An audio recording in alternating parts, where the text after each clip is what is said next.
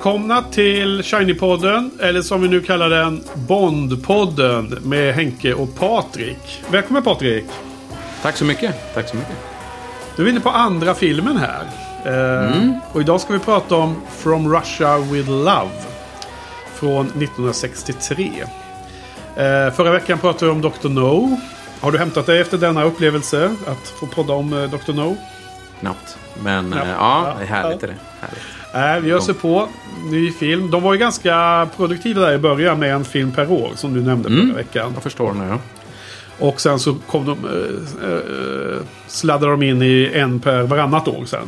Ganska snart. Som var den vanliga, vanliga takten. Eh, men ju, redan förra veckan så berättade du lite mer om bakgrunden hur filmerna kom till och, och blev liksom en filmserie. Och då utlovade vi lite att vi skulle få höra lite mer om eh, författaren bakom allting, Ian Fleming. Och det är jag väldigt nyfiken på att höra. För jag tror att du har gjort lite research här Patrik, stämmer det? ja, men så är det ju. Eh, mycket har jag kunnat innan, men, men eh, absolut. Ska man prata om, om Bond så är det svårt att undvika att prata om Ian Fleming. Så är det ju. Eh, han föddes i början av eh, 1900-talet, 1908, i London. Hans far, eller hans farfar till och med, var en skotsk bankman.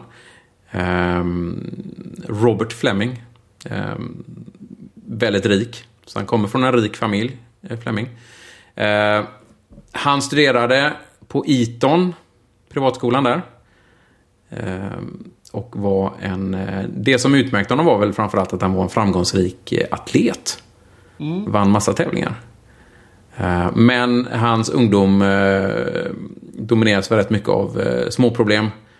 Inte sällan kom från bilar och kvinnor som orsak. Oj då, okej. Ja, hur, hur kan han ha hamnat i Bonds värld sen då? precis. Precis, ja du kommer, du kommer märka mer. För han lämnade Eton för att börja på militärskolan. Eh, Men där kände han efter ett tag att det passade inte honom riktigt. Så han lämnade skolan. Eh, Studerade, han åkte till Österrike och, och studerade i Kitzbühel. Eh, Men han har även studerat i München och Genève. Ja, okej. Eh, Så där var, han- efter det så var han klar med skolan och skulle börja jobba då. Just det. Ja. Jag har sett i någon av alla dokumentärer att han var lite intresserad av diplomatsvängen. Men att... Och han läste en massa språk bland annat för att eh, komma in där. Men att... Vad var det de sa? Jag såg någon intervju med honom med amerikanska CBC där han... Han sa att eh, jag var sjunde rankad i min eh, examensklass och eh, utrikesdepartementet tog bara in fem stycken. Sa han tror jag. Så Ja. att det verkar så här, ja det var lite otur. Så då fick han tydligen eh, ändra på planerna och så tog han något som eh, påminde om att jobba med utrikesdepartementet. Nämligen att bli utrikeskorrespondent. Va? Inom Ja, men det stämmer. Han- Journalism. Precis, han blev, han blev väldigt besviken. Så han, men han gick in på journalismlinjen istället, började jobba för Reuter, Reuters. Ehm, men eh, som du säger, han var intresserad av utrikesdepartementet där. Så han, han var även utomlands och, och var journalist. Han, han rapporterade bland annat från... eh, det var... 1933 så var det någon...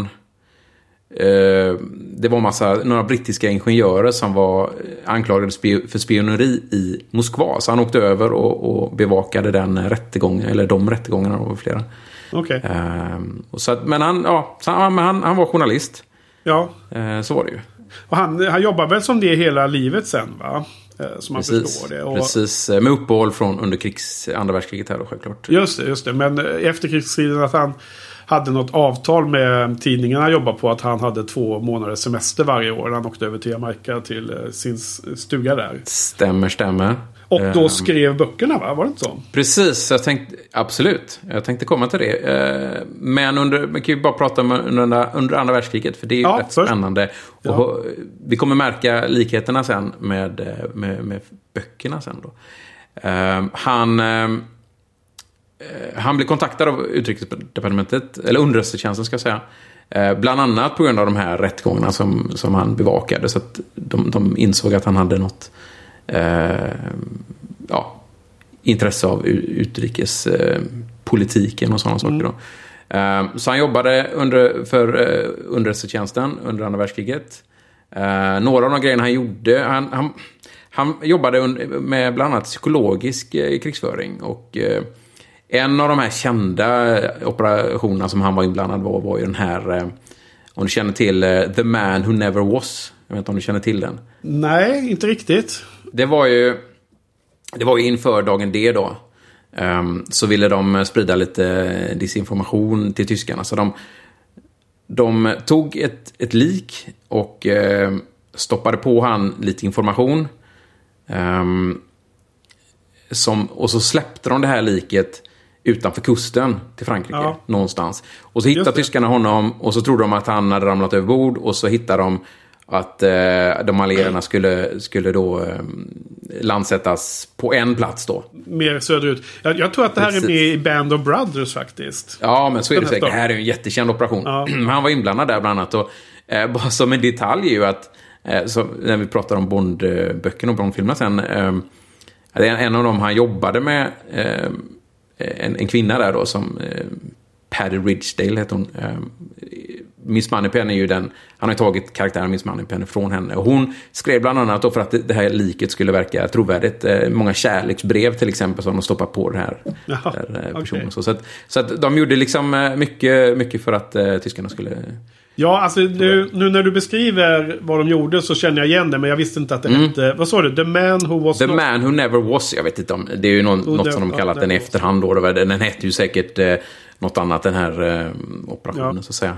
Eh, men det var någonting han gjorde bland annat. Bland, och sen så jobbade han mycket med amerikanerna. Eh, han var bland annat delaktig att sätta upp deras underrättelsetjänst, eh, OSS. ehm, som, som senare blev ehm, CIA då. Ja. Så han var med där. Eh, eftersom engelsmännen var ju före amerikanerna att sätta upp sådana här grejer. Ja. Så han gjorde, han gjorde en hel del sånt spännande.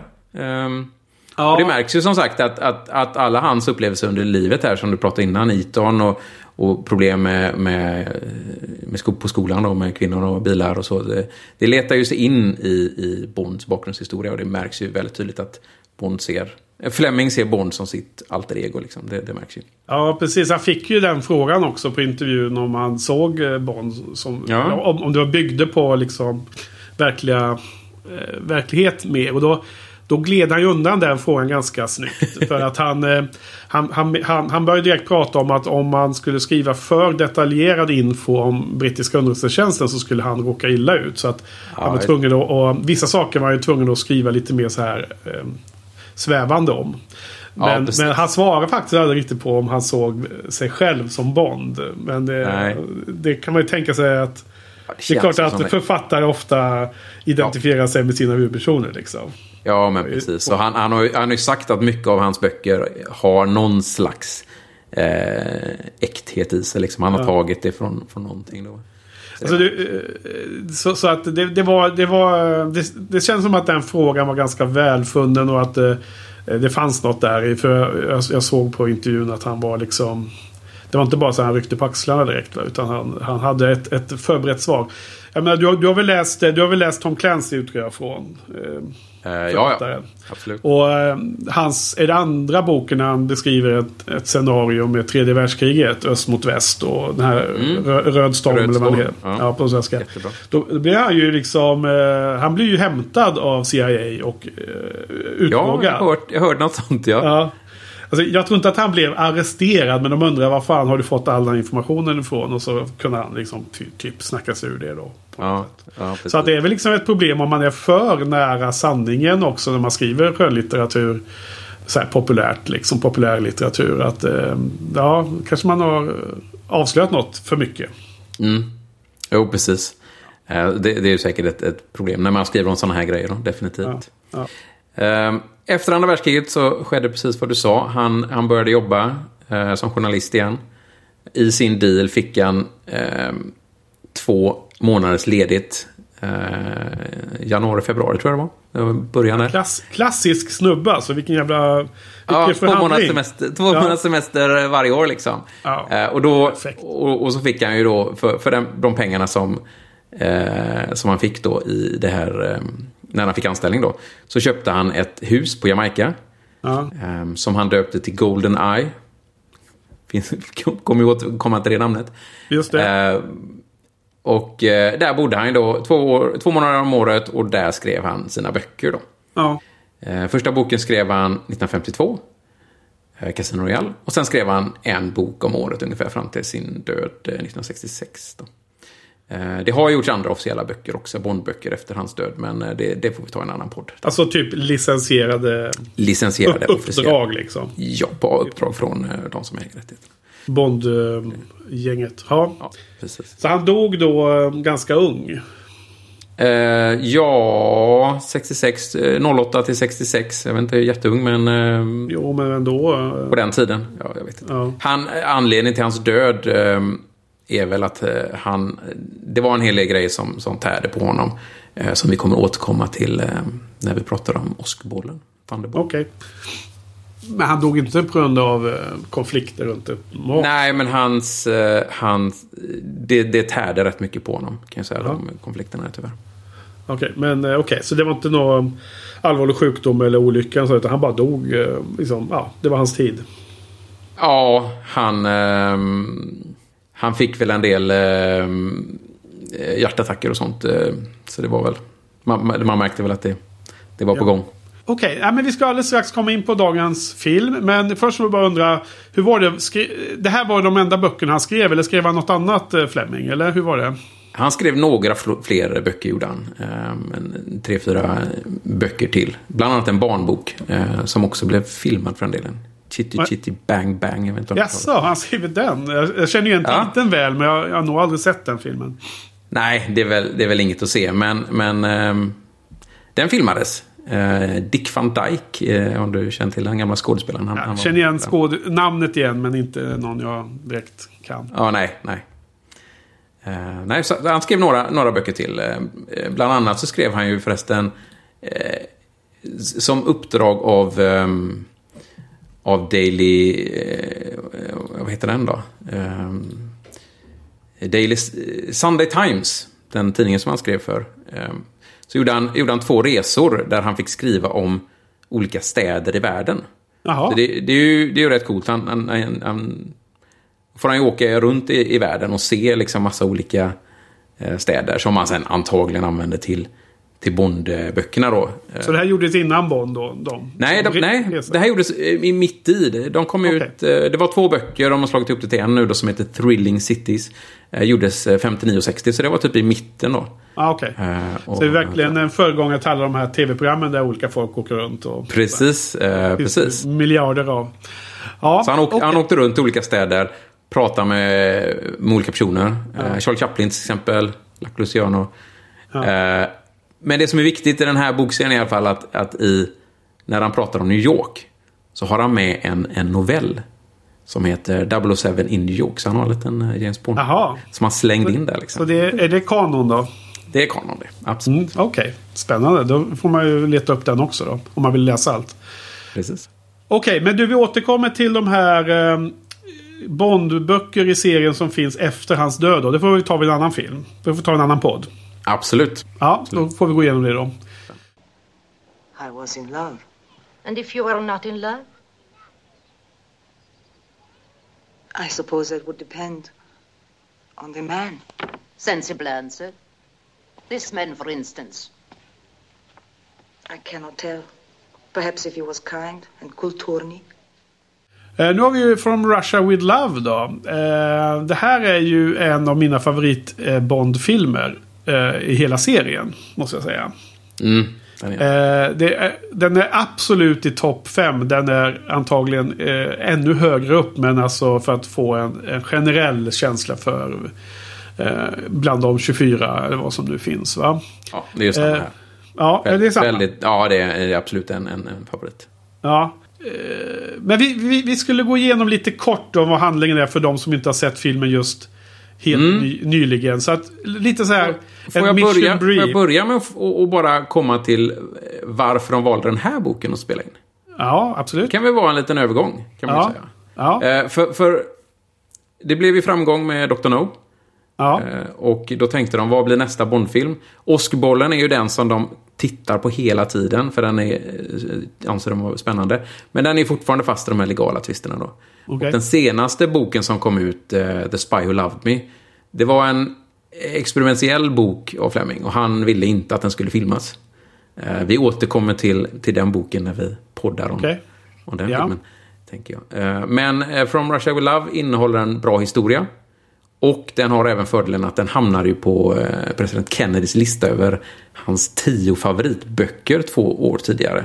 Ja, okej. Ja, just det.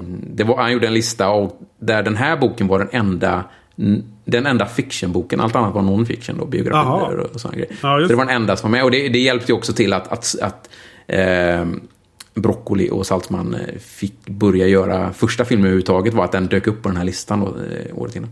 Okej, så eh, John F Kennedy var en drag, draglok för bok. Definitivt, Ja. definitivt. För jag, jag, eh, jag ser här att det är den femte boken som han skrev i serien Mm. av Ian Fleming. Så att eh, de är inte helt krav att de ska gå helt kronologiskt då. Böckerna är tillräckligt separata att det går De- att hoppa lite. Ja, de, precis. De, de frångår ju, som vi pratade om innan här, i, i böckerna så är det ju mer kontinuitet än vad filmerna någonsin kommer ha. Liksom. Ja. Det. Okej då, men vad händer i den här filmen då? Kan du göra en kort sammanfattning av storyn då som, eh, som vi gillar? Absolut. Ehm, brittiska Secret Service får ett eh, meddelande från deras station i Turkiet. En eh, rysk kvinna som jobbar på skifferavdelningen i Istanbul har blivit kär i en bild, ett foto av James Bond. Ja. Och på grund av detta är hon redo att hoppa av om Bond kommer. Och hon kommer ta med sig ryska, ryssarnas eh, hemliga kodmaskin. Ja. Ehm, Det hela är ju uppenbart en fälla, tycker ju Secret Service. Men, men betet är så lockande, och då pratar vi om maskinen då. Eh, Så då skickar de, skickar de Bond dit. Får mig att tänka på filmen Serenity. Trap? Frågetecken. Trap! Det är klart att det är en trap. Och det fattar Det ju alla här. Men det är, det är det som ligger i sakens natur att Spectre, eh, eh, vad heter han, Kronstein eller vad han nu heter som har hittat på planen. Han vet att eh, britterna kommer inte klara av att, eh, att inte eh, gå, satsa på det här trots att de förstår att det är en trap. För de, de kommer bli så... Precis. Ja, Eh, den här maskinen är ju något de vill ha. Det är, det är ju någon slags, eh, typ som en Enigma-maskin som tyskarna hade under andra världskriget. liksom. det, det, det. en bra grej. Eh, ja, nej men eh, som sagt en favoritfilm i allra högsta grad. Och eh, egentligen så kommer väl allting på... Allting funkar i den här filmen. Alltså story, eh, bikaraktärer, eh, hjälpredan. Eh, alltså hans allierade, hans eh, buddy i det här är ju en av hela filmseriens bästa. Ali Karim Bey. Eh, älskar jag. Ja. Eh, skurkarna är ju svinbra med Spectre och Rosa Klebb är ju i sin, den korta lilla damen. Precis. Lite absurd men, men ändå härlig på något sätt. Men, men sen överskuggas det såklart av eh, Donald Grant då, som spelas av... Ja, men Robert Shaw är en ganska känd skådis också. Eller väldigt känd skådis. Det måste ha varit en ko att få fått in en så känt namn liksom och spela eh, the bad guy.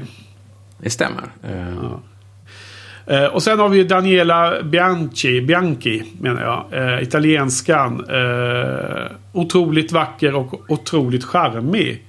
Jag menar, eh, vacker på pappret gör inte så mycket för mig. Utan det är ju när man ser den här charmen som man blir förtjust. Ja, jag. den har de. Den har de ju definitivt. Ja, och, och det här är så himla härligt. Jag kollar ju på min Blu-ray och det är ju väldigt schysst, eh, superbra kvalitet med bild och ljud och allt sånt där. Men det finns ju massor med material, alltså dokumentärer och sånt och behind the scenes. Och där, där får man ju en känsla av att, att de verkar ha haft en otroligt härlig stämning mellan skådespelarna och i teamet. Så här.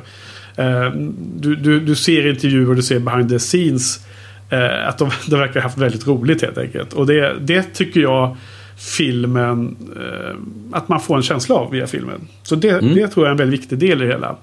Jag menar, alla verkar vara väldigt positiva över den här regissören, Terrence Young. Liksom, som var en vital del i att skapa Bond-figuren. Ju, Ja, från, från i början här, som gjorde de här tidiga filmerna. Ja, så jag gillar helheten. Den, eh, den är, eh, det är bra actioninnehåll och det är eh, eh, väldigt mycket bra humor. Men det är, en bra balans tycker jag. Mm. Det, det är ju, den här är väl den som är en mer, eh, ska vi kalla det, klassisk kalla kriget spion-thriller. Ja, Eh, ja. Mer än en eh, bombastisk Bondfilm så att säga då, som, som det blev sen. Ja, precis. Eh, lite mer lågmäld och ja, jag gillar det. Jag gillar Men det är väl också... Sean Connerys filmer är ju lite mer lågmälda och så vidare va? De blir, ju mer, de blir ju mer och mer, men så är det ju hela Bond. Ja, eh, ja. Det, absolut, det tar ju ett tag innan de kommer in i, den, i den, det facket så att säga. Som, Ja. som framförallt kanske Roger Moore. eh, Eh, filmen är ju då 1,50 lång och jag lade ju märke till det att eh, ända in i... Det var ungefär vid en timme så var det fortfarande det kändes som att det var setup. Det var fortfarande...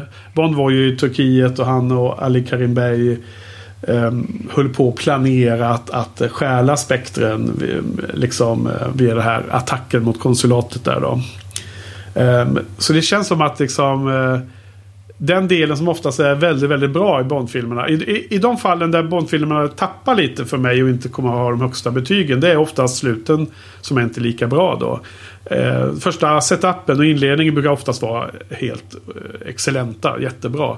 Här, här håller det hela vägen i mål skulle jag säga. Men det är fortfarande så att det är en väldigt lång del av den här liksom karaktärsetablering, alla de här olika figurerna som eh, finns i filmen. Eh, alltså en lång, lång del innan det så att säga blir bara action kvar om man säger så. Hur, Mm, hur, mm. hur tänker du runt den biten? Liksom? Håller du med? Ehm, det är inget jag tänker på direkt. Men det Nej. kan stämma. Det kan stämma. Ja. Nej men som sagt alltså när de väl eh, får tag på spektren och de ska eh, fly undan. Då ska, kommer de på tåget och så. Då är det ändå. Det känns som huvudet att det är ganska mycket som ska hända som är kvar. Men om man tittar på klockan så är det liksom klart mindre än halva filmen kvar då. Ja, men så är det. Det är lustigt att du, att du kallar maskinen Spekter. Ja, jag säger fel kanske. Ja, för, nej men det roliga är att i boken så heter maskinen Spektor. Okej. Men Ja, eftersom det är inte så likt eh, organisationen Spektre så i filmen så har de döpt om maskinen till eh, Lektor.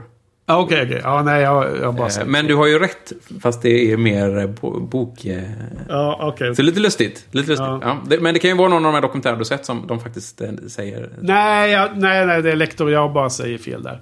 Ja. Ehm, men eh, det som är lustigt är när man, hör, man tittar behind the scenes. ehm, så har man förstått att eh, själva filminspelningen var lite um, otursförföljd. Och eh, även om de byggde fi, filmmanus på boken och då hade supersolid eh, grundstory.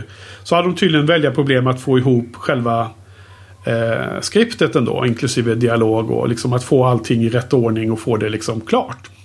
Så Mm. att, eh, och det här överraskar ju mig väldigt mycket. Jag skulle gärna vilja prata om det lite. Därför att Absolut. det här är en av de allra bästa filmerna och det super, verkar vara supertight. Och, I mina ögon. Och eh, jag tycker att den är nästan fulländad eh, som film och som Bondfilm framförallt.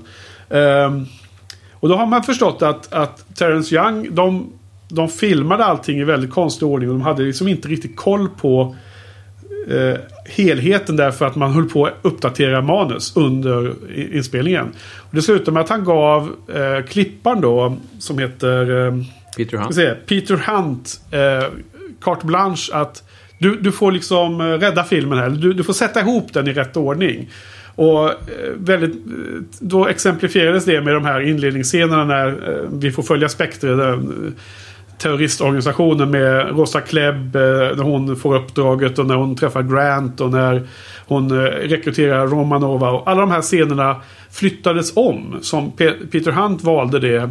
Och sen tillsammans med Terrence Young gjorde de ju klart och så vidare. Men att det var liksom ett eh, masterclass i film editing som låg till grund för den här inledningen som nu känns så himla häftig liksom. Eh, Mm. och eh, så jag tycker det är väldigt fascinerande. Jag ska inte nörda ner sig i filmklipp och filmproduktion på det sättet. För menar, det är slut, slutresultatet vi ska eh, reagera på här nu. Men jag, jag tycker ändå att det är en väldigt eh, intressant liten eh, trivia-info att ha med sig. Ja, och, och Peter Hunt är ju, är, är ju erkänt duktig. Han har ju eh, eh, varit eh, editor på, på många filmer. Och sen så blev han ju även regissör för ett antal Bondfilmer. Ah, Okej, alltså. ja, det han har inte- jag, jag har inte tänkt på det. Vilka, Jo, han, eh, han, började med eh, I Hennes Majestäts Hemliga Tjänst. i den första. Sen gör han två stycken. Skämtar du eller? Ja, ja visst. Nej, visst. Och Är det sen så gör han några med, med Roger Moore också. Fan. Ehm, men, och, det, och det kommer vi märka också att, att, eh, att Eon Productions, de, de jobbar väldigt mycket med samma människor. Och Ja. om, om en faller bort så tar de gärna upp någon eh, från egna leden och, och Ja, så. precis. Det kommer vi märka. Production designer Ken Adam var ju upptagen med annan film och då, och då tog man någon som var... Syd Kane. som, var, som var hans assistent. Var, var med i första va? Ja, Precis. assistent. Och Syd Kane kommer vi också se. Han har också en stor roll bland annat i, i, eh, i Hennes Majestäts Hemliga Tjänst. Ja. Ja. Ehm, så en av de här inledande scenerna är ju den här schack, eh, kända schackscenen. Ehm, när man ser eh, Kronstein vinner. Och det avgörande eh, gamet här, eller spelet. Och det står 11,5 mot 11,5. Och det är avgörande här tydligen då. Och då vinner han med en schackmatt. Ehm, jag vet inte om det alla känner till det, men det var ju, det var ju en, en baserat på en känd ställning i i, eh, från en match 1960 i Leningrad som var alltså eh, sovjetiska mästerskapet. Mellan Spassky och Bronstein hette de. Ja. Och det var en väldigt så här eh, daring move liksom från, eh, från Spassky då. då. Eh, och vann. Och det, tydligen är inte ställningen 100% exakt samma. Det är några bunder eller så här som inte står exakt. Men, men själva, själva de här sista dragen vi får se. Eh, alltså de, det går ju ganska fort ändå. De sitter ju inte och tänker jättelänge. Utan de här sista dragen ser man väl liksom. Eh, har man väl då förberett då i den här attacken. Men eh, det är lite kul med sådana. Eh, jag menar, det här skedde 60 och det här var liksom typ två år innan de höll på och gjorde den här filmen. Va? Jag Ja, gissar ja, att de, definitivt tagit det därifrån. på den tiden gjorde man ju film mycket snabbare förvisso. Så de, om den kom ut 63 kanske de gjorde den helt 63. Eller, eller gjorde man en del i 62? Jag vet inte. Nej, de, de började inspelningen i april 63. Ah, Okej, det var så pass Ett, starkt. ett halvår innan Ja. premiären. Liksom, det, det Så snabbt går det på den tiden. Nej, det är inte som nu för tiden. eh, Sen så framgår också det här med att det var något av en eh, stundens ingivelse som gjorde att de la en, en scen för eh, titles då, då. Nämligen den här spänningsscenen när man sätter upp Grant som eh, filmens Big Bad. Där Mm. det ser ut som att han dödar Bond. Men sen är det en sån här Mission Impossible-mask då. Eh, Så att de har bara använt en, en stackare som, eh, som live bait där som de ska få öva sig på. Eh, vilket var ju ett snilledrag och det har ju använts i eh, alla Bond-filmer därefter ju.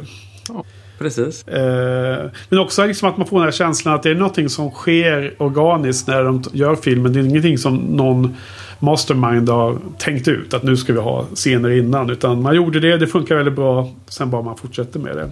Ja, och det är ju precis. en av de mest ikoniska delarna av Bond-filmerna ju. Tycker jag. Ja, eh, så är det ju. Eh, Ja. Absolut. Eh, Men hur är det med de här pre-title-scenerna? Ofta så sätter de väl upp skurken typiskt i filmen, eller hur skulle man se på det? Antingen brukar de sätta upp skurken eller väldigt ofta så är det ju Bonds förra av uppdrag som man avslutar. Liksom. Det brukar vara någon Ja. eh, cool liten scen där han... Ja, det är antingen en eller va? Antingen Ja, så har det... Antingen så har det ingenting alls att göra med den filmen vi ska se, eller? Nej, precis. Det finns ju- Ur dödlig synvinkel, exempel. Ja.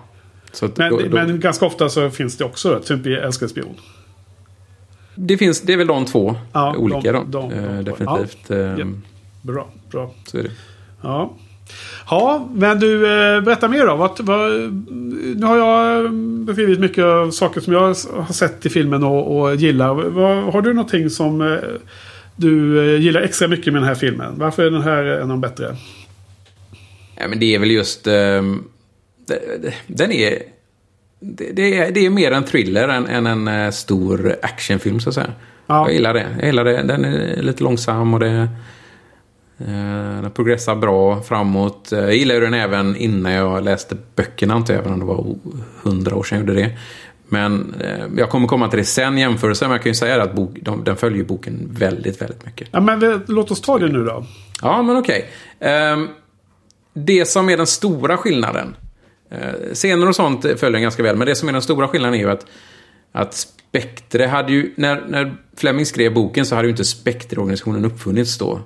I hans bokvärld. Alltså. Eller de- den, den hade väl... Den hade väl gjort det, men, men det var väl framförallt... ehm, ehm, nej, han hade nog inte gjort det. Utan det som var under hans 50-talsböcker så var det ju i princip alltid ryssarna, eller sovjeterna, som var skurkarna. Och så och i denna, denna bok. Då är det ju den här eh, den, den topporganisationen i Ryssland, eh, Smersh, Just. som, som ligger bakom. Och eh, i, i filmen så, så får ju Spectre då spela Smash och eh, Secret Service, Service mot varandra då.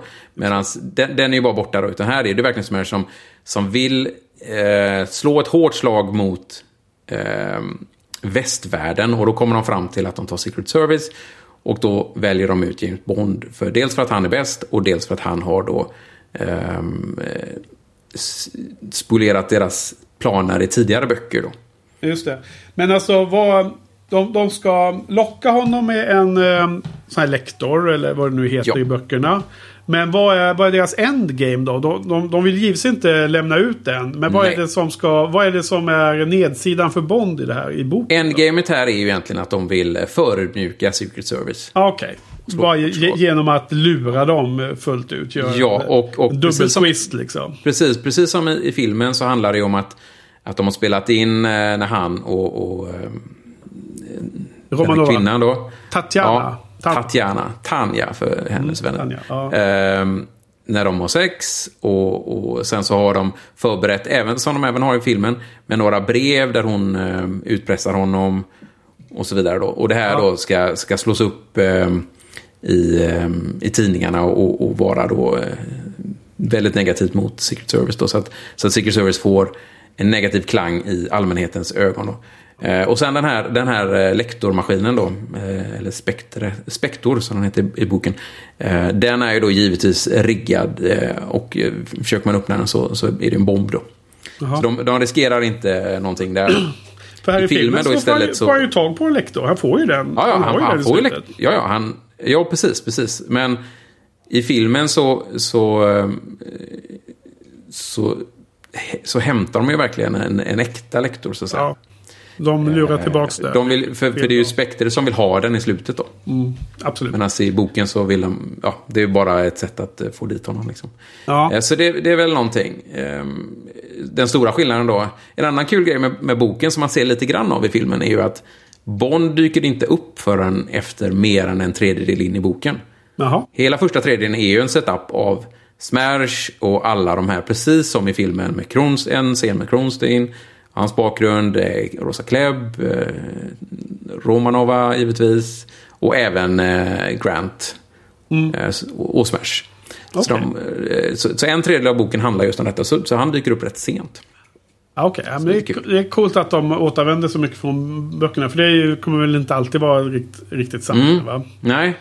Nej. Eh, Det finns några roliga eh, ändringar också. Och, och, och det, är ju, det är ju framförallt när, när de ska skjuta den här mördaren Krilenko. Ja. Eh, om du minns eh, hur det går till. Anita Ekberg. Munnen. Anita hon skulle, hon skulle mun. inte öppnat munnen eller vad hon säger. Han skulle, precis, precis.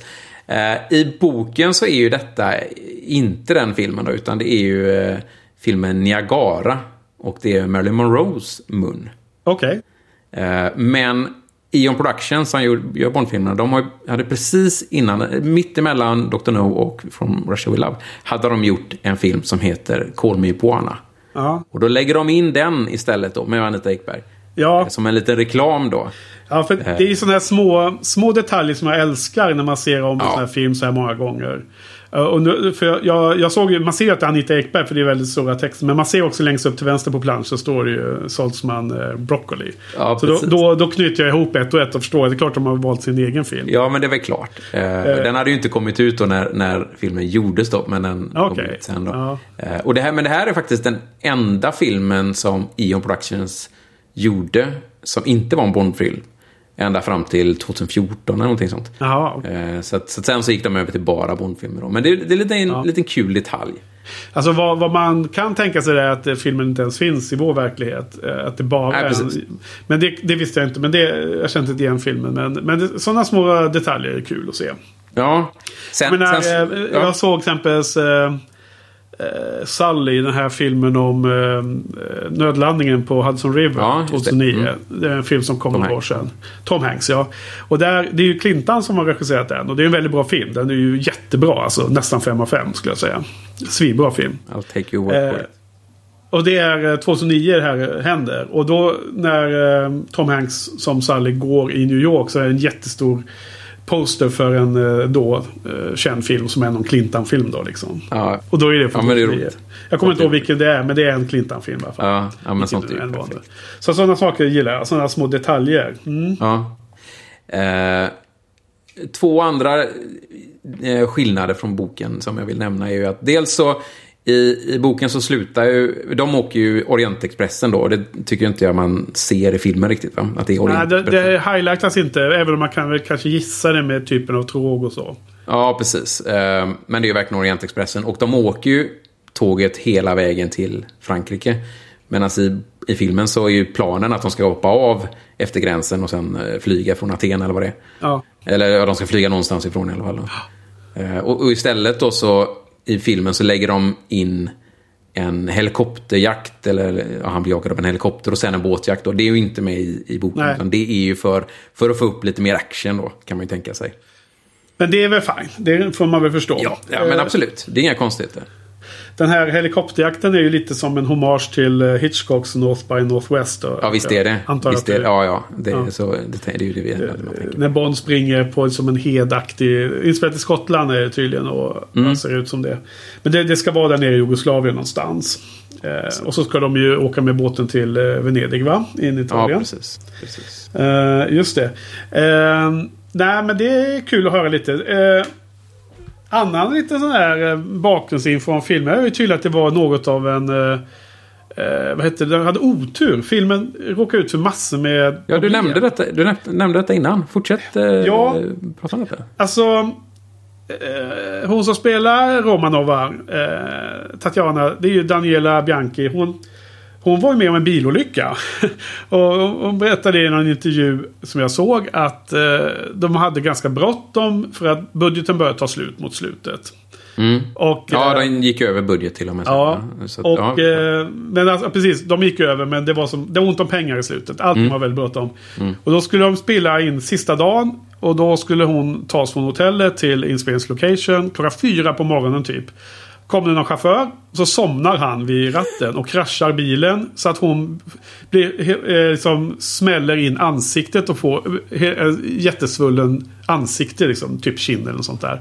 Så då fick de ju vänta typ två veckor eller något sånt där vad hon nu sa, kommer inte ihåg exakt. ja. Eh, vilket var liksom typ inte bra för budgeten ju. liksom, Nej, verkligen De, inte. de försökte Blir det göra en extra lång dag. Sen, sen det andra som jag eh, tänker på är ju att det finns ju en välkänd eh, superdramatisk eh, historia när de är uppe i Skottland och filmar eh, det här med båtjakten. För då sker en helikopterolycka med Mm. eh, Terence Young, regissören och en fotograf och en helikopterpilot som de lyfte med helikoptern för att filma uppifrån då. Eh, så här. Eh, och sen så fick den någon form av mekaniskt problem och störtade ner mot vattnet. Piloten lyckas tydligen ställa, eh, lägga sig ner 90 grader så att när de slog ner vattnet så gick eh, rotorn av direkt istället för att landa och rotorn skulle komma lite på snedden gissar jag och det skulle bli mer skada. Och sen sjönk tydligen den här. Det är en sån här liksom med glasbubbla. Dessutom en, det är en sån som man ser i filmen. mer. Det är väl säkert samma likadan. Ja. Ja, så, precis. så de hade 60-talet väldigt så här enkla som man ser nästan som ett stagverk i den här eh, stjärten Mm. bak till, till bakre rotorn och allt det här. Och då sjunker den ner så att de har en, en luftbubbla men tydligen så hamnar den på sidan innan dörren som är uppåt går inte att öppna för där, där sitter kameran. Så att det är tydligen massor med eh, stuntmän och så här som dyker ner. Eh, det är väl inte superdjupt men det är väl ändå, det är ändå så här risk att drunkna helt enkelt. Ja, ja. Och, och då kan de, är det tydligen så att Terence Young sparkar ut det här främ, glaset på framsidan av eh, helikoptern. Okej. Eh, och sen kommer sig fri och så simmar de upp. ja. Alltså det är ju helt absurd eh, historia. Och man, såg, man såg bilder då. där Han sitter med högerarmen i mitella. Och sen har han tydligen blod skadat sig på benet. Så han, eh, han tog en 35 minuter lång paus. Och, och sen fortsatte de att filma för dagen. ja det, det, det är så det funkar på den tiden. Ja, det, det, här, är- det här antar jag är en väldigt känd eh, anekdot i Bondkretsar eller? Eh, Ja, men man, man, man har hört den om man gjort det, ja, absolut. eh, man, man tycker ju att Terence Young är något av en badass lite när man hör sådana här historier. Han, han är lite Ja. som Bond själv nästan i vissa lägen. Ja. Så, så, men i och med att det gick väldigt bra och att det var en... Eh, båda de här fallen var liksom inga större problem egentligen. Liksom, så är det väl de, de lite mer eh, som är lustiga incidenter. Men det ju, finns ju någon mycket större eh, tråkig historia här med Pedro Armendariz. Mm. Mexikanaren som Stämmer. spelar Ali Karim Bey. Ja, du vet ju. Ska, Ja, du, ska du dra den eller? Eh, det handlar väl egentligen om att han, eh, han fick reda på att han hade cancer. Eh, och eh, var väl inte så jättemycket tid kvar. Nej. Mitt var under inspelningen ju. Ja, precis. Så vad han gjorde var... um, Först då rent inspelningsmässigt så, så såg de till att filma hans scener tidigt. Och eh, jag tror de tog, ner, tog bort några scener till och med som de, inte, som de valde att inte spela in. Ehm, så att han skulle bli klar och skulle få åka hem till Mexiko då han kom. För han var en ganska känd skådespelare i Mexiko. Ehm, men sen vet jag att du hade hört... Ja, sen, var sen finns det han, en grej till, som, men det kommer vi komma till då. Han åkte upp till Los Angeles och lägga på de sista overdubs. De Ja. talar väl in dialogen efterhand va? Mm, det är vanligt. Även om, jag inte, även om det inte märks när man ser filmen. Så jag vet inte riktigt hur de har gjort det. Ja, de flesta... Um, Daniela Bian- Bianchi är ju till exempel dubbad. Det är ju Ja. inte hennes röst. Samma sak med Ursula Andress i förra filmen. Det är inte hennes egna röst. Ja. Så det, det görs ju ganska ofta.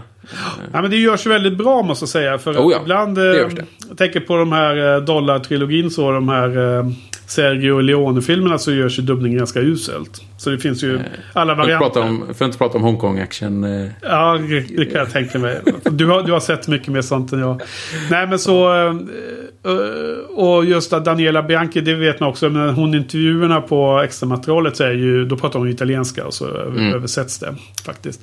Men... Eh, jo, men sen åker upp till LA och gör i alla fall mer jobb. Och sen så lägger han in sig på ett sjukhus i Los Angeles. Men... eh, så väljer väl han att inte eh, ta de här sista veckorna av den mest eh, jobbiga delen av att gå, gå bort med cancer. Så han, han tar livet av sig helt enkelt. Han skjuter sig va? Precis. Ja, jag vet inte vad han gör, men han, jag vet att han tar livet av sig. Väl. Och han har tydligen smugglat, in en, smuggla, smugglat in en pistol. Så att, Ja, okej. Ja, nej, alltså det är väldigt tr- trist. Han är ju superhärlig i den här filmen och den sån där skön eh, style med den här. eh, han är så relaxad och han hanterar Bond.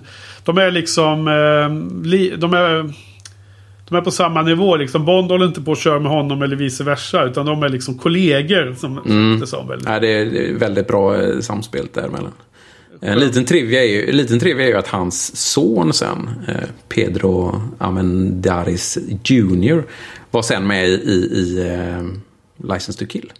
Ja, men det är ju superhärligt. Att Mm. man får en sån... eh, då känns det ju lite bättre liksom på något sätt. Ja. Ehm, sen måste vi får ju inte glömma eh, Bondbrudarna. Vi har ju några härliga här. Alltså... Dels så är Sylvia Trench en stor favorit hos mig. Hon är med i första och andra filmen. Mm, Och ska vara no någonting av Bonds så att säga riktiga girlfriend. eh, Ja, hemma. någon, någon, någon slags hemmakvinna i alla fall. Sen om de är verkligen ihop, det vet jag inte om de har tänkt. Men Nej, absolut. men tanken är att hon, hon, ska hon försvinner ju efter den här filmen. Så vad, är- vad är storyn om det egentligen? Vet du det eller? Nej, jag, jag, jag kan inte historien exakt, men jag skulle gissa att de kände väl att de...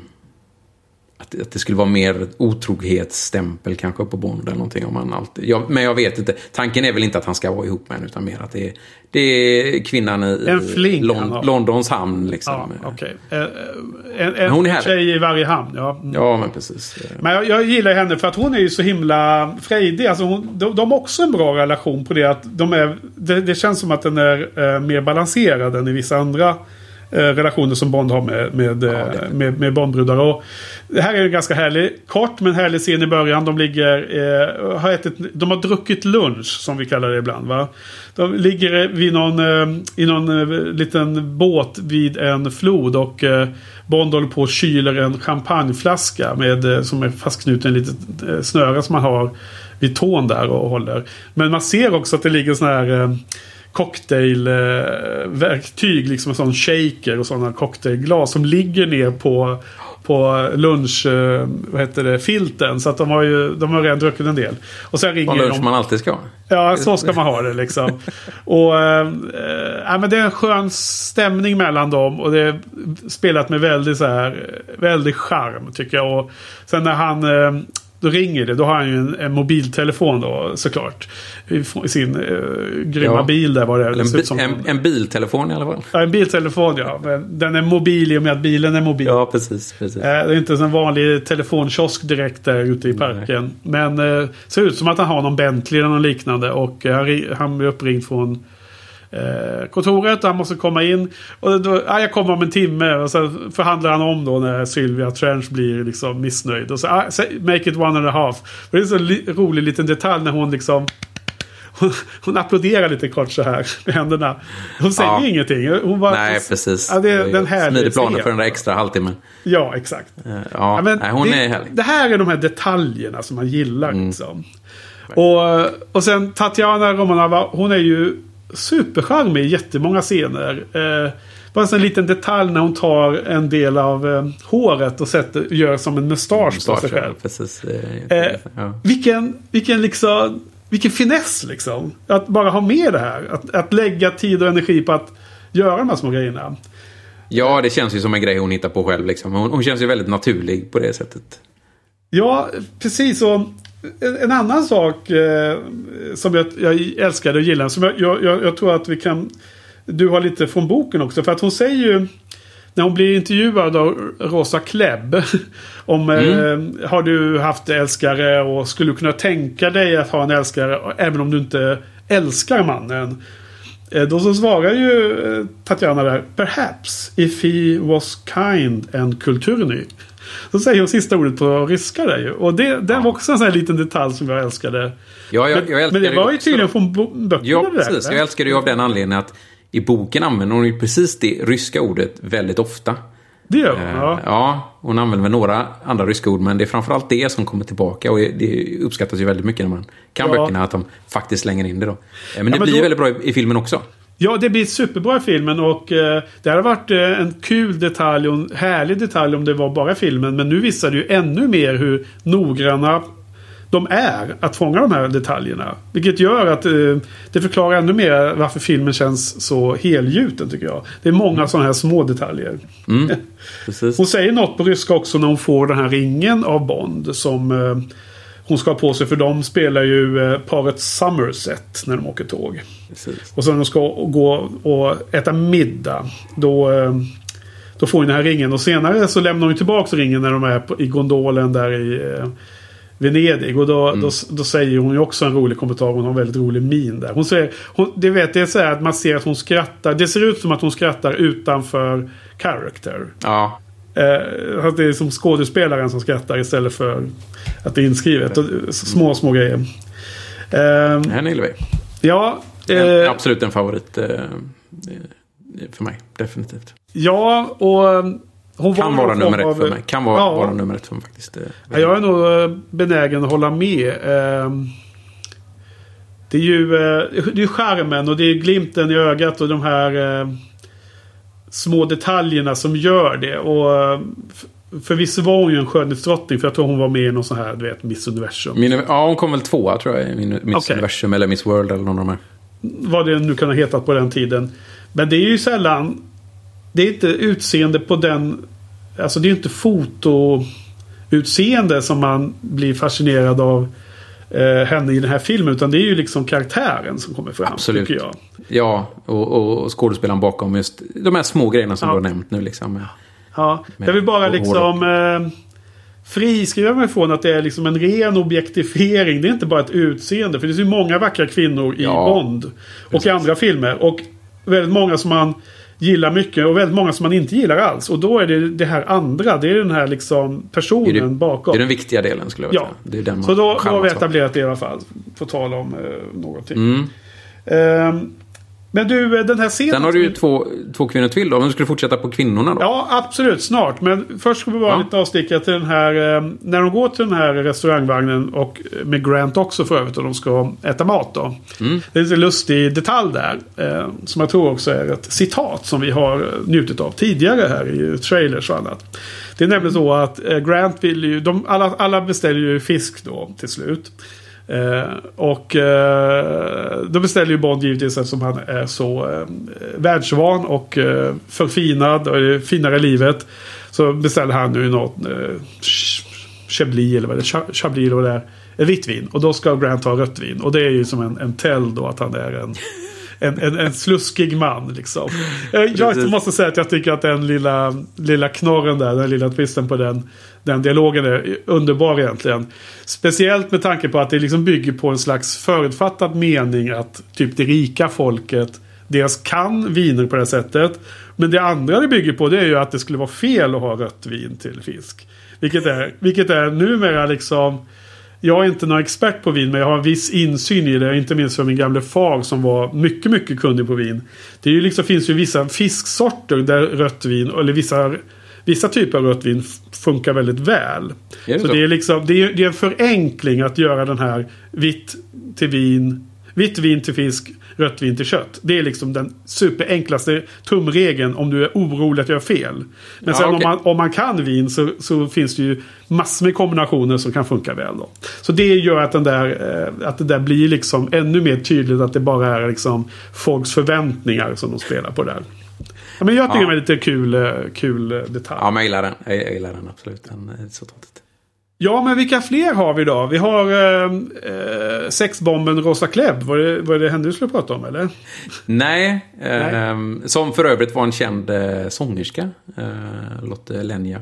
Ja, men också men- teaterkvinna va? Ja, precis, precis. Väldigt Eh, känd. Nej, det var, inte hon jag, det var inte hon jag tänkte på. Eh, han hamnar ju i ett eh, zigenarläger, som, som det väldigt tydligt sägs då. Ingenting Ja. man säger idag då kanske. Eh, och eh, de här romerna då.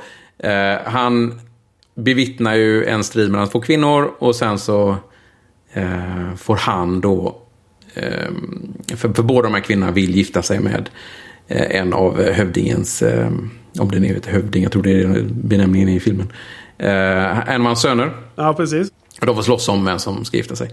Och, och då, då slutar det ju med att, att Bond får uppdraget att välja vem. Ja, Det är så konstigt. Eh, och så gör han det då. Eh, Man får Ja, inte säga det, det. det är ännu lustigare. Alltså det är ännu mer. Bond säger så här, han vill inte att de ska slåss längre. Nej. Och då vänds ju det på, ja men då får du bestämma. Ja, men precis. Det roliga är att det är precis vad som händer i boken också. Ja. Fast han, han väljer egentligen att bara säga att nej, jag skulle inte klara av det liksom. Att få välja själv liksom. Nej, men för här antyds ju kraftigt Här- att, att i- i filmen han går har han ju- typ sex med, med Oh ja, i, båda. fil, I filmen har han ju sex med dem. Ja. Men i boken så tackar han ju nej. Nej. Eh. Och liksom det, det är ju det som är så himla hysteriskt med hela den scenen som gör att den bara är så här. Man rycker bara på axlarna och säger ja, ja Det- var det väl, var. Det var väl festligt liksom. Men att de eh, fightas nästan till döden får man en känsla av. Eh, Det, det var så det var regisserat också. Ja, och Eh. jag, jag kan bara påpeka just att de här kvinnorna gillar ju tydligen inte varandra i verkliga livet då. Alltså, Så, ja. så de, de slogs ju tydligen rätt allvarligt, vad Ja. jag förstått det som. Eh, ja, precis att de då fightas som fan åt, om en snubbe och sen helt plötsligt, nej, då ska båda eh, spendera natten med Bond. Ja, men det är ju så när man är, om man är James Bond så är det tydligen så det ska vara. I film i alla fall. Ja, i film, ja. Precis, i film. Ja, nej, men det, En, en, av, en av dessa eh, kommer ju dessutom tillbaka i Åskbollen. Som jag nämnde innan så återanvänder de ju en hel del. Eh, Men det är ju alltså skådisen, inte karaktären då? Va? nej, eh, precis. Okej. Och, Vilken- och det, vilken- det finns ju... Ja, någon av dem. Ja, ja, hon spelar ju Paula Caitlin i, i den. Jag tror vi pratade om det en annan gång, om, om just de olika karaktärerna i...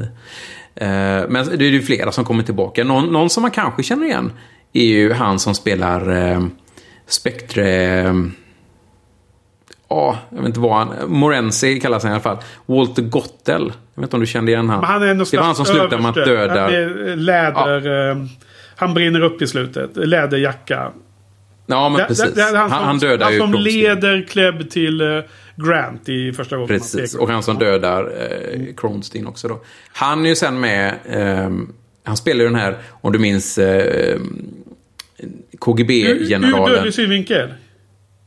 Han har varit med i massor. Ja, men i Dödlig synvinkel definitivt. Ja. General Gogol. Ja, Han är med i massor av de här Bond-filmerna. Sen även är han med i någon av eh, Timothy Daltons filmer. Precis. Så, så det är ju samma skådespelare. 15 år senare bara. Det vet du, det är lustigt är att jag känner igen honom. Man kan nästan eh, förvilla sig i huvudet om man tänker fel. Att slutet på det här med lektor och att han är med. Mm. För de har ju en lektor inom äh, fnuttar även i dödlig synvinkel. Och den. Mm. kastar ju Bond bort från ett eh, berg. Så den krossas. Precis. Så ingen ska få den.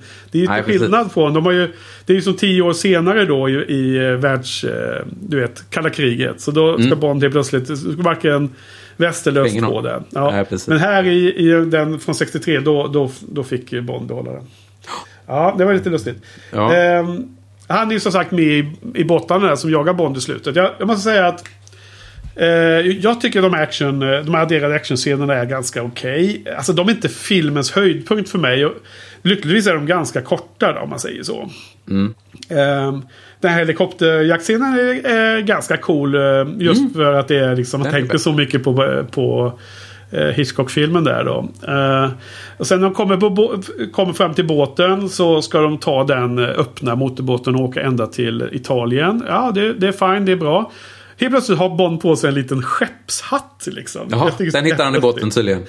Nej, men han, ja, om han har hittat den där. Jag tyckte att han hade på sig den redan när han gick på, på har. bryggan. Jätte- Det är bara som, så random liten detalj som jag tyckte var Mm. så himla lustigt. Ehm, sen då, en annan liten detalj är ju att, eh, igen, de hade ju ont om pengar i slutet. Och allting måste ju ske jättefort. Så då hade du ju de här som gör eh, special effects då. För det är ju eh, på riktigt en riktig special effects. De, det brinner, de lägger ju ut eh, brännbar vätska på vattenytan. Och eh, det, det är ju riktig, riktig eld man ser. Precis. Det är ju, 1963 kan man inte göra så naturlig eld i efterhand. Och eh, därför så var de ju tvungna att ha en eh, repetition dagen innan. Bara att eh, kommunikationen gick ju fel där så de bara blåste av allting på repetitionen. Du vet att när någonting sker, då ska de trycka på knappen. De har, Ja. en, de har en enda chans på sig. Ja. De bara blåser av allting. Det finns inga kameror igång. så då, så då, då var det liksom bara så här, men vad fan gör ni liksom? Då har de smält på fel dag. Ja. Så, då, så då fick han som var ansvarig för det här, fick han liksom typ åka ner till London och köpa grejer över natten. Och sen tillbaks upp till Skottland nästa morgon och rigga upp igen. Ja, och så gick det bra. Det är den enda chansen de hade den dagen då. Så att, jag tror att den här budgeten blir bara liksom mer och mer ur, ur flippad. ja, precis. En, en annan eh, lustig grej som den här eh, Special Effects-snubben eh, pratade om var ju att i, i Istanbul, de är ju på plats i Istanbul och filmar och de eh, använder Mm. Det är ju ju, massor sån här... det, är ju eh, det inspelningsplatsen de är i, förutom i Storbritannien. Då. Ja, utan, ut, precis. För annars är de på sån här studio, stor studio. De gör de här stora sets Ja. och så va. Och, och, Ja, men de är uppe i Skottland också är de väl där i slutet. Men på, i eh, Istanbul så... Eh, I attacken mot eh, ryska konsulatet så är det ju då explosioner och rök. Och då gjorde de ju eh, rök på taket av den byggnad som var någon gammal byggnad av något slag de hade hyrt in sig på liksom. Mm. Eh, men de hade ju inte begärt eh, tillstånd från myndigheterna. Så att Eh, dels hade de problem med all publik. Alltså alla vanliga personer som kom fram och kollade att det var filminspelning. Det var en väldigt så här ovanlig grej. ja, de hade tydligen väldiga problem med, med folkinsam, folksamlingar. Ja, vet jag. så- det har jag läst. Då, då fick de göra tricks där de lurade iväg publiken. Att de låtsades filma en kvarter bort. Så alla Ja, sprang undan. Det, jag har hört något liknande. Och sen kunde de fi- filma vidare. Och sen på med den här röken. Men då hade ju inte myndigheterna koll på att det var filminspelning. Så då kom ju den riktiga brandkåren och eh, polisbilar och sånt där liksom. Jag har hört olika historier om det. Jag har hört även att de hade pratade med brandkåren för att få dit dem. Och, och de hade eh, ja, några stuntmän som stod på någon balkong och, och liksom... Ja, antingen att det var en filminspelning då och, och därför gick folk dit och tittade. Så, just för att eh, film, Ja. den riktiga filminspelningen skulle kunna göras. Ja, det, de hade sina väldiga problem med det. Så tusentals folk och tittade på. Ja. Men eh, det är ju... Är det, är det, det, är också fler... eh, Alltså just den här eh, attacken på... Eh, det här senare lägret eller romerska lägret då. Det, den gjordes i England va? På studio. De byggde upp det va, tror jag. Ja, det det det tror kan, jag. kan ju inte varit där... eh, Nej, Nej utan den, den scenen jag hörde mycket om var eh, tågscenen. Eller alltså när de går på tåget. Okej. Eh, För det var ju inspelat i den, en riktig tågstation i, Okej, i ja, just det. Ja. Ja, det, är väl, det kan ju vara sådana här legender och stories Ja. bakom också. Jo, men precis, precis. Ja. Mm. Ja, eh, vad har vi... Eh, ska, har vi något mer? Eh, Kan, vi kan väl fortsätta bara eh, kort med, med skådespelarna då. Eh, Ja. Och det, det är väl framförallt eh, att vi får... Eh, de byter ut eh, ja, den karaktär som senare kommer bli Q. Eh, för nu kommer ju... För han som spelade innan då, han kunde ju inte vara med i den här filmen. Nej. Då kallar de ju in eh, en som har jobbat med, med det här Ion innan då. Eller med, med Sa- eh, Saltman och de här innan. Desmond Llewellyn. Just Han det. kommer ju vara han kommer ju vara kvar som Q sen i Ikonisk. evigheter liksom. Ja, verkligen. Han, han är Det ju... är så härligt att se honom ung. Han är så Ja, ung precis. Han är jätteung här. Precis, Ja, det är man inte van jämför. att se här, Relativt sett. Precis. Sen är det ju roligt också, eh, jag vet inte om du såg det på eftertexten, eh, vem som spelade Blowfelt. Eh, det är väl bara frågetecken va? Det är ett frågetecken, ja. Precis. Ja. Men det, det lät som att du vet precis vem det är. Nej, men det är någon som eh, säger hans röst i några filmer. Jag vet inte om vi får se honom sen. Kan det vara Ja, vi kommer se. Men, men, men här ser man ju bara händerna och fötterna typ. eh, D- Diamonds of Forever är med eller? Han, ja, ja, han är med. Men han som skådespelaren som spelar honom i denna filmen Ja. är ju Anthony Dawson som spelar professor Dent i... Ja, ja, ja. Okej. Från Dr. No där. Just det, han var polare med Terrence Young va? Var det inte så? Ja, men de, alla känner alla. Som sagt, man kommer ju se... Det kommer samma folk bakom och framför se, eh, kameran liksom. Det är lite som Marvel Cinematic Universe. Att det, Ja. det snurrar runt i samma gäng liksom. Ja, men precis. Ja. precis. Det är härligt. Det är, det. Men det är också ganska givet att det blir så. Ja, och speciellt och med man, det tempot de har liksom. Ja, man vill ju veta. Man vill ju inte ta in någon ny och, och, utan att veta vad de går för liksom. Det är väl inte så konstigt. Ja, men samarbete och allting och sätt att kommunicera och jag menar, ha eh, samma personer som eh, art, eh, director, fotograf och editor. Jag tror sådana saker eh, snabbar upp processen otroligt mycket. Det måste det göra, absolut. Ja. Ja men det är kul med Desmond Llewellyn och eh, eller hur man nu uttalar det. Och sen är det ju Miss Moneypenny är ju samma. Hon Ja. är ju hon är ju med från redan första filmen och Louis, Louis Maxwell och eh, det finns ju en härlig scen där när de lyssnar på tape-inspelning från Bond. eh, är ju jättebra. när Bond intervjuar eh, Romanova om eh, Lektor hette den va? Och liksom Ja. både M och Miss Moneypenny lyssnar och, och Romanova pratar hela tiden om att de ska gå, gå till hotellrummet och mysa lite ungefär. Precis. Och den här min, minspelet hos M och Miss Moneypenny är ju stört skönt tycker jag i den scenen. Ja, den är bra. Eh, och Amy är också samma som, som eh, förra filmen då. Bernard Lee. Han, han spelar ju... Ja, han spelar väl M fram till, han, till sin död tror jag. Eh, Sen, sen De, de, är, de är fast i den här serien väldigt många tills de inte kan filma längre liksom. Mer eller mindre. Ja, men precis. Sen, sen tar de in en annan M då, Robert Brown. Ja. Ehm, mm, nej, han är med länge, eh, Bernard Lee. Um, Lotte Lenja spelar Rosa Klev. Vi nämnde. Kan bara nämna det att när man ser behind the scenes så ser man att hon verkar vara super eh, också. Och hade Mm. eh, garvar ju så här hela tiden verkar det som. Alltså. Det var liksom en, kul, en kul prick. Jag tror att hon var någon slags teater. Från en teaterfamilj eller var känd i teaterkretsar och var ganska. Var, var hon tysk eller? Kan vara. Eh, ja, något sånt. Ja. Tror jag. Och eh, så att, var, att man plockar in en sån lite mer udda. eh, Inte österrikiska. vanliga. Mm. Okej, ja men det, är väl nog, eh, det var nog bara felsägning då på behind the scenes. Men det är alltid trevligt när de eh, tar in den typen av skådisar i en sån här typ av film. Att, att få liksom en annan dynamik med det hela. Hon, hon spelar väl antagligen också mot sin vanliga roll om man säger så. Liksom här är Ja. hon ju stramt hållen. Eh, en liten eh, rysk eh, KGB-överste liksom. Ja, hon är ju chef över eh, Smers eh, operativa eh, avdelning. Ja. Så hon är ju väldigt högt upp inom den Hon är här ju stenhård. sten... Ja, definitivt. Hon är, hon, är, hon är värre i boken kan jag säga. Okej. ja. Eh, Så. Mm. Är, är boken mer barnförbjuden än filmen? Skulle du säga. Eh, nej, det skulle jag inte säga. Det är, ju, det är ju som jag sa innan, mindre, mindre sex till exempel. Även om det är mycket sexuell anspelning så är det ju mindre, Det händer ju självklart saker, det, det står ju beskrivet, men det står ju inte uttryckligt beskrivet. Eh, filmerna får ju inte filmas så mycket heller. Eh, du har väl en del våld, har du ju. Eh, det är väl lite upp och ner. Ah, Okej. Nej, Jag bara undrade eh, efter Mm. din kommentar. Eh, det ansågs ju vara väldigt eh, grovt våld i det här slagsmålet i tågkupén mellan eh, Grant och Bond. Mm. Eh, det, var, det var tydligen upprörande grovt i, på den eran när det kom ut den här filmen. Då, då.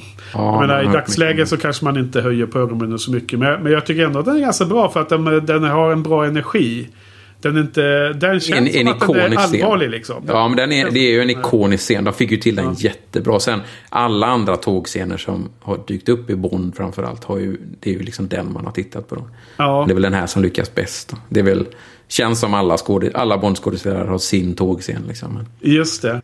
Och eh, stora utmaningar med att det är tajt och litet och de har Mm, tre olika kameror och olika vinklar. Och, och jag tror att jag gillar scenen mycket för det. är Att liksom det, är, det, är så, det är mycket dialog som leder in i, i våldet. Det är liksom karaktärsdrivet. De har de liksom... Eh, jag menar, Grant känner sig extremt överlägsen där och han ska förnedra Bond så mycket som möjligt. Det är kanske någonting de har tagit med från bokvärlden också. Att eh, ja, men han, han säger du, jag kan, jag kan berätta liksom planen för att du, Mm. han, han är så säker på att vinna där ju. ja, han är ju Ehm. överste bödel, så att säga. Då. Ja. Eh, Och eh, Bond lyckas till slut eh, vända på steken om man säger så. Ja. Eh, Och här märker man ju, den scenen märker man ju, vi pratade om Peter Hunt förut, eh, klipparen.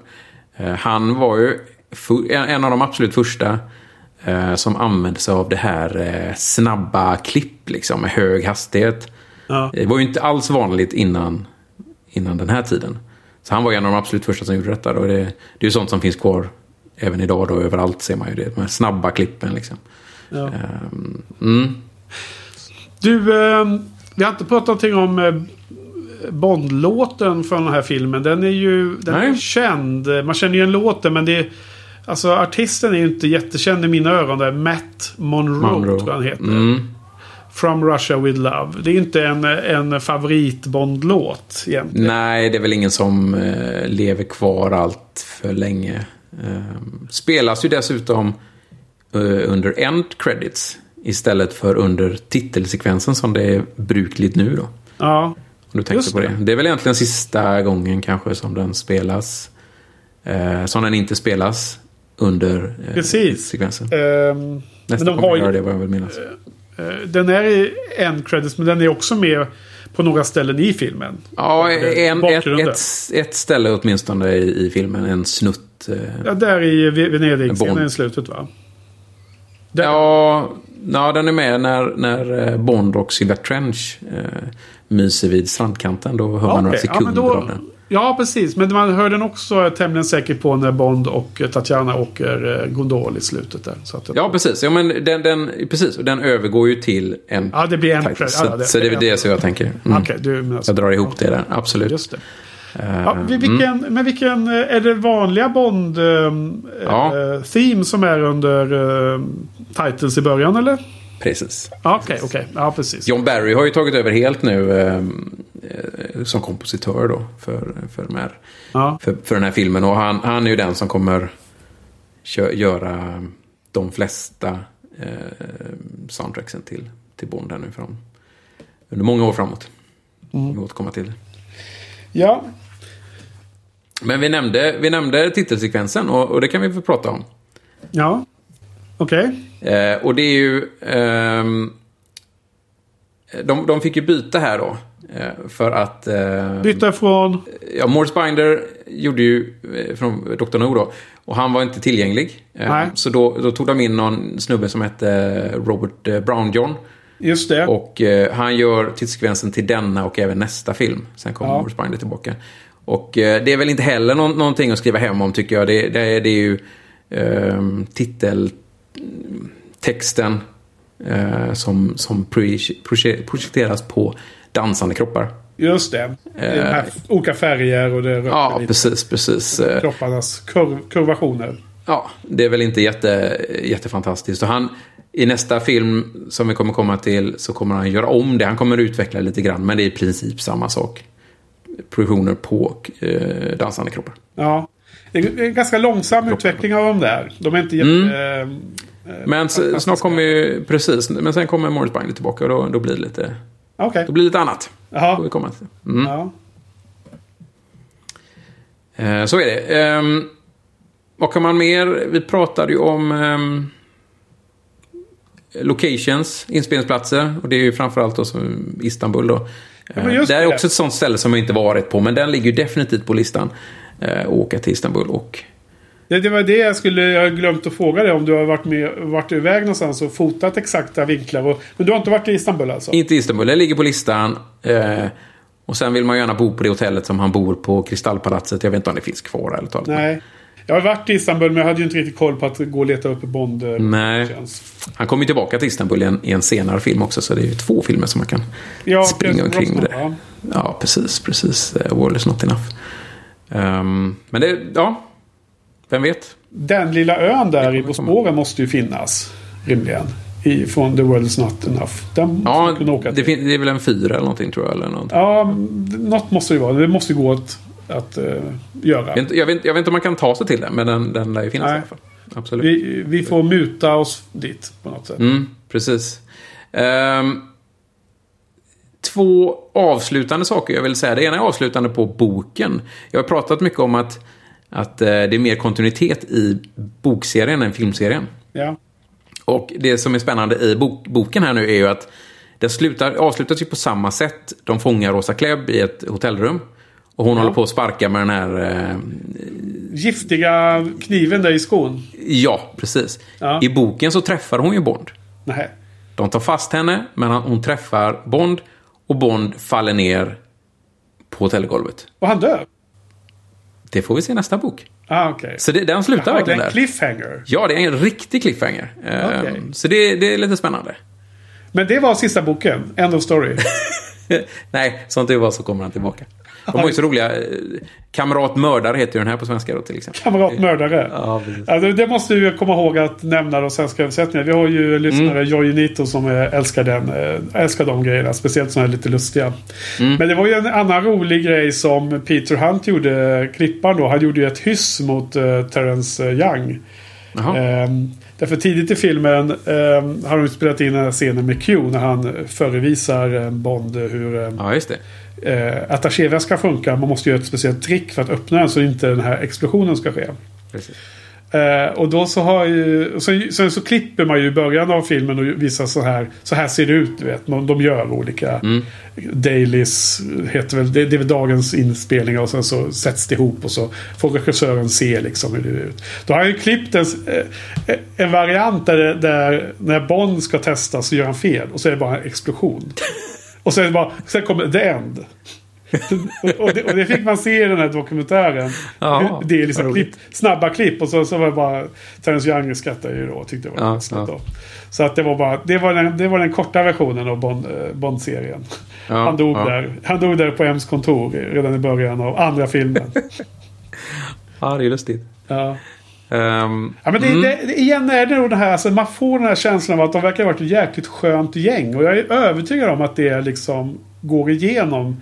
Även om de har haft vissa problem med budget och olyckor och stor tragedi med, med Ali Karim Beys skådespelare och allt det här. Så har de ändå varit ett jäkligt tajt gäng. Och jag, tror, jag är övertygad om att det ligger till grund för att det blir så bra resultat. Alltså. Ja, det tror jag ju. Så brukar det vara. Man brukar märkas på, på duken, filmduken sen. Ehm, och såg, såg du vad, vad det var i slutet av filmen förresten?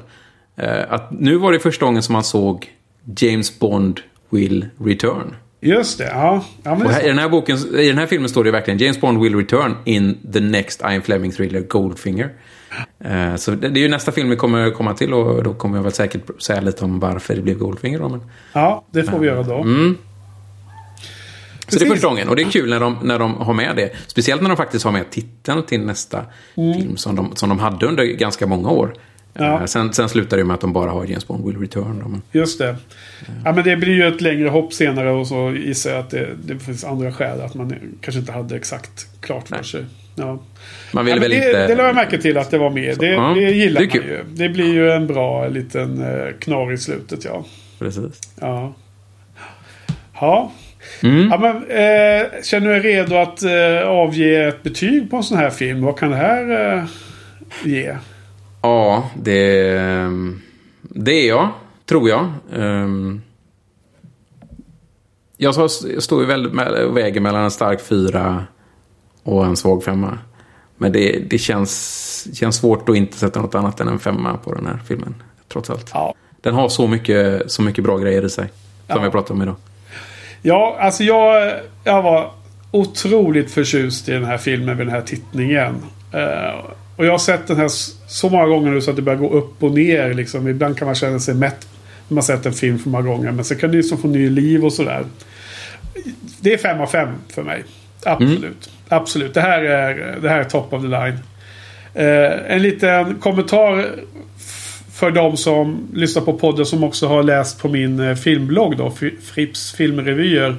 Så var det ju ungefär tre år sedan. Eller vad- förlåt, sju år sedan. 2013.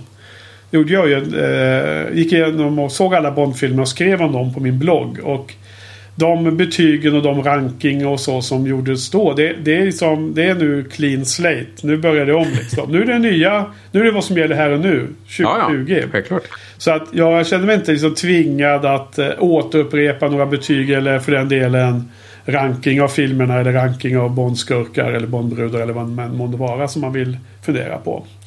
Eh, Jag kommer ihåg att jag ganska kort tid efter jag skrev det här bloggprojektet om Bond att jag ångrade vissa val. Och nu får jag chansen igen nu då, nu när vi Perfekt. poddar om det.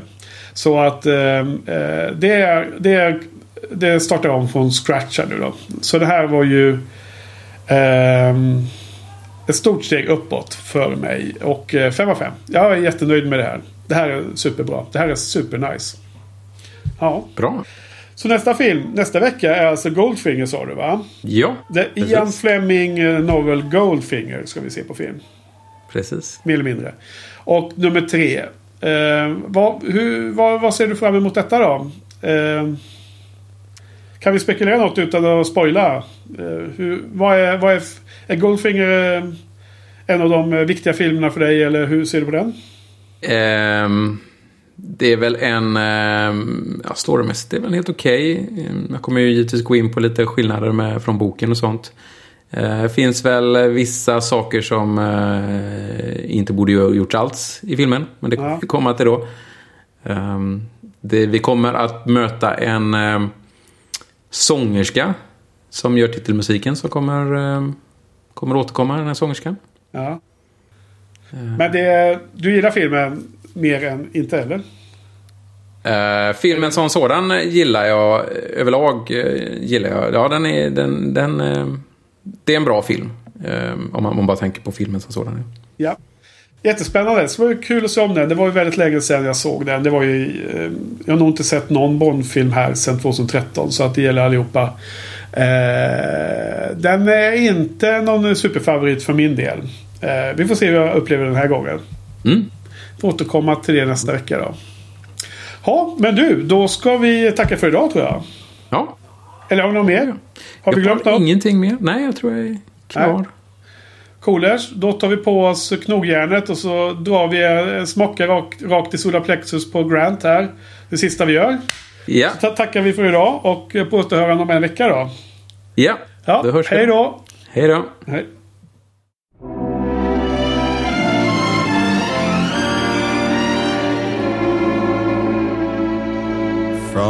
Russia with love, I fly to you. Much wiser since my goodbye to you. I've traveled the world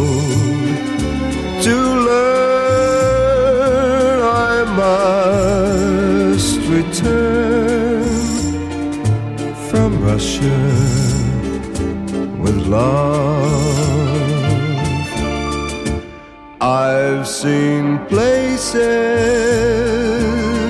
faces, and smiled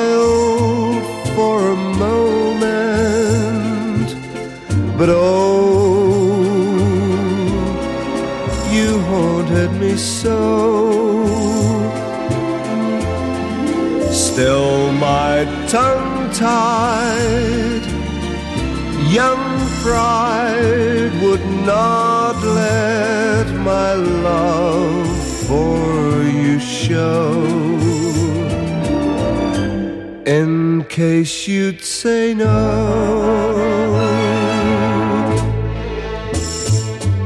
To Russia I flew,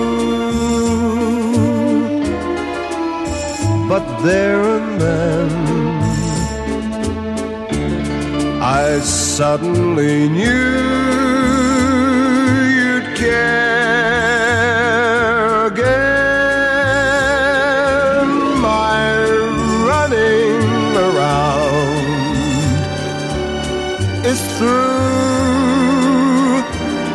I fly to you Russia with